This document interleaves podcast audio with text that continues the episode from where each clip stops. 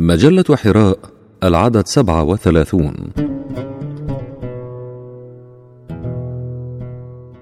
يا رسول الله بقلم الأستاذ عبد الله صدقي.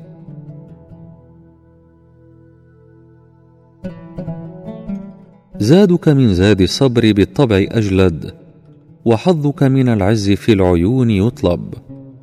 كذا الخلق بالصبر يبقى صبورهم ويذهب عنهم شأنهم ذاك حين ينضب. وعدت وعدك وفي الوعد منصب لحسنك معلوم وفي العهد مطلب.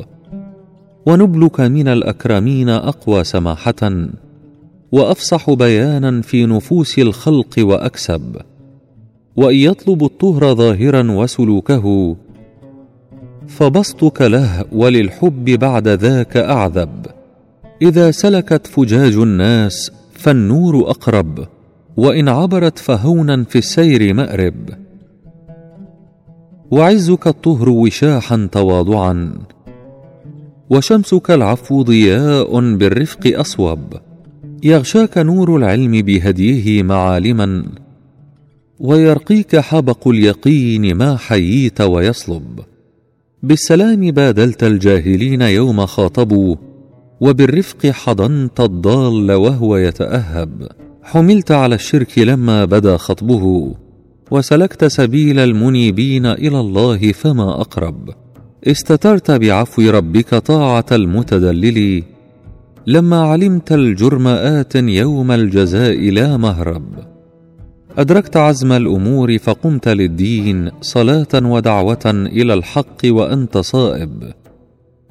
واتبعت سبيل الهدى متوجسا الخطوة تحدوها كما حدتها بالعزم الكتائب.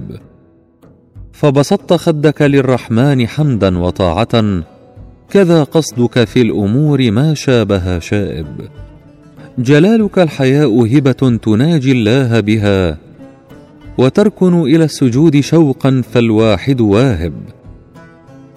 طهر اليدين تسمو كالنور قد علا جوا حتى تدرك بفضله المطالب. لن يزعجك مكر من علا تجبرا. دسى بالنفس فجورا هكذا الأكاذب.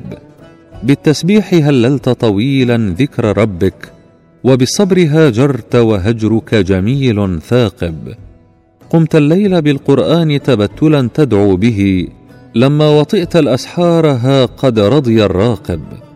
تلألأ الماء منسكبا على الوجنتين وضاء عند الوضوء صلاة وأنت آئب. بالنذر وفيت وحق السائل أعطيت فأبذلت العطاء متوسلا والمتوسل راغب.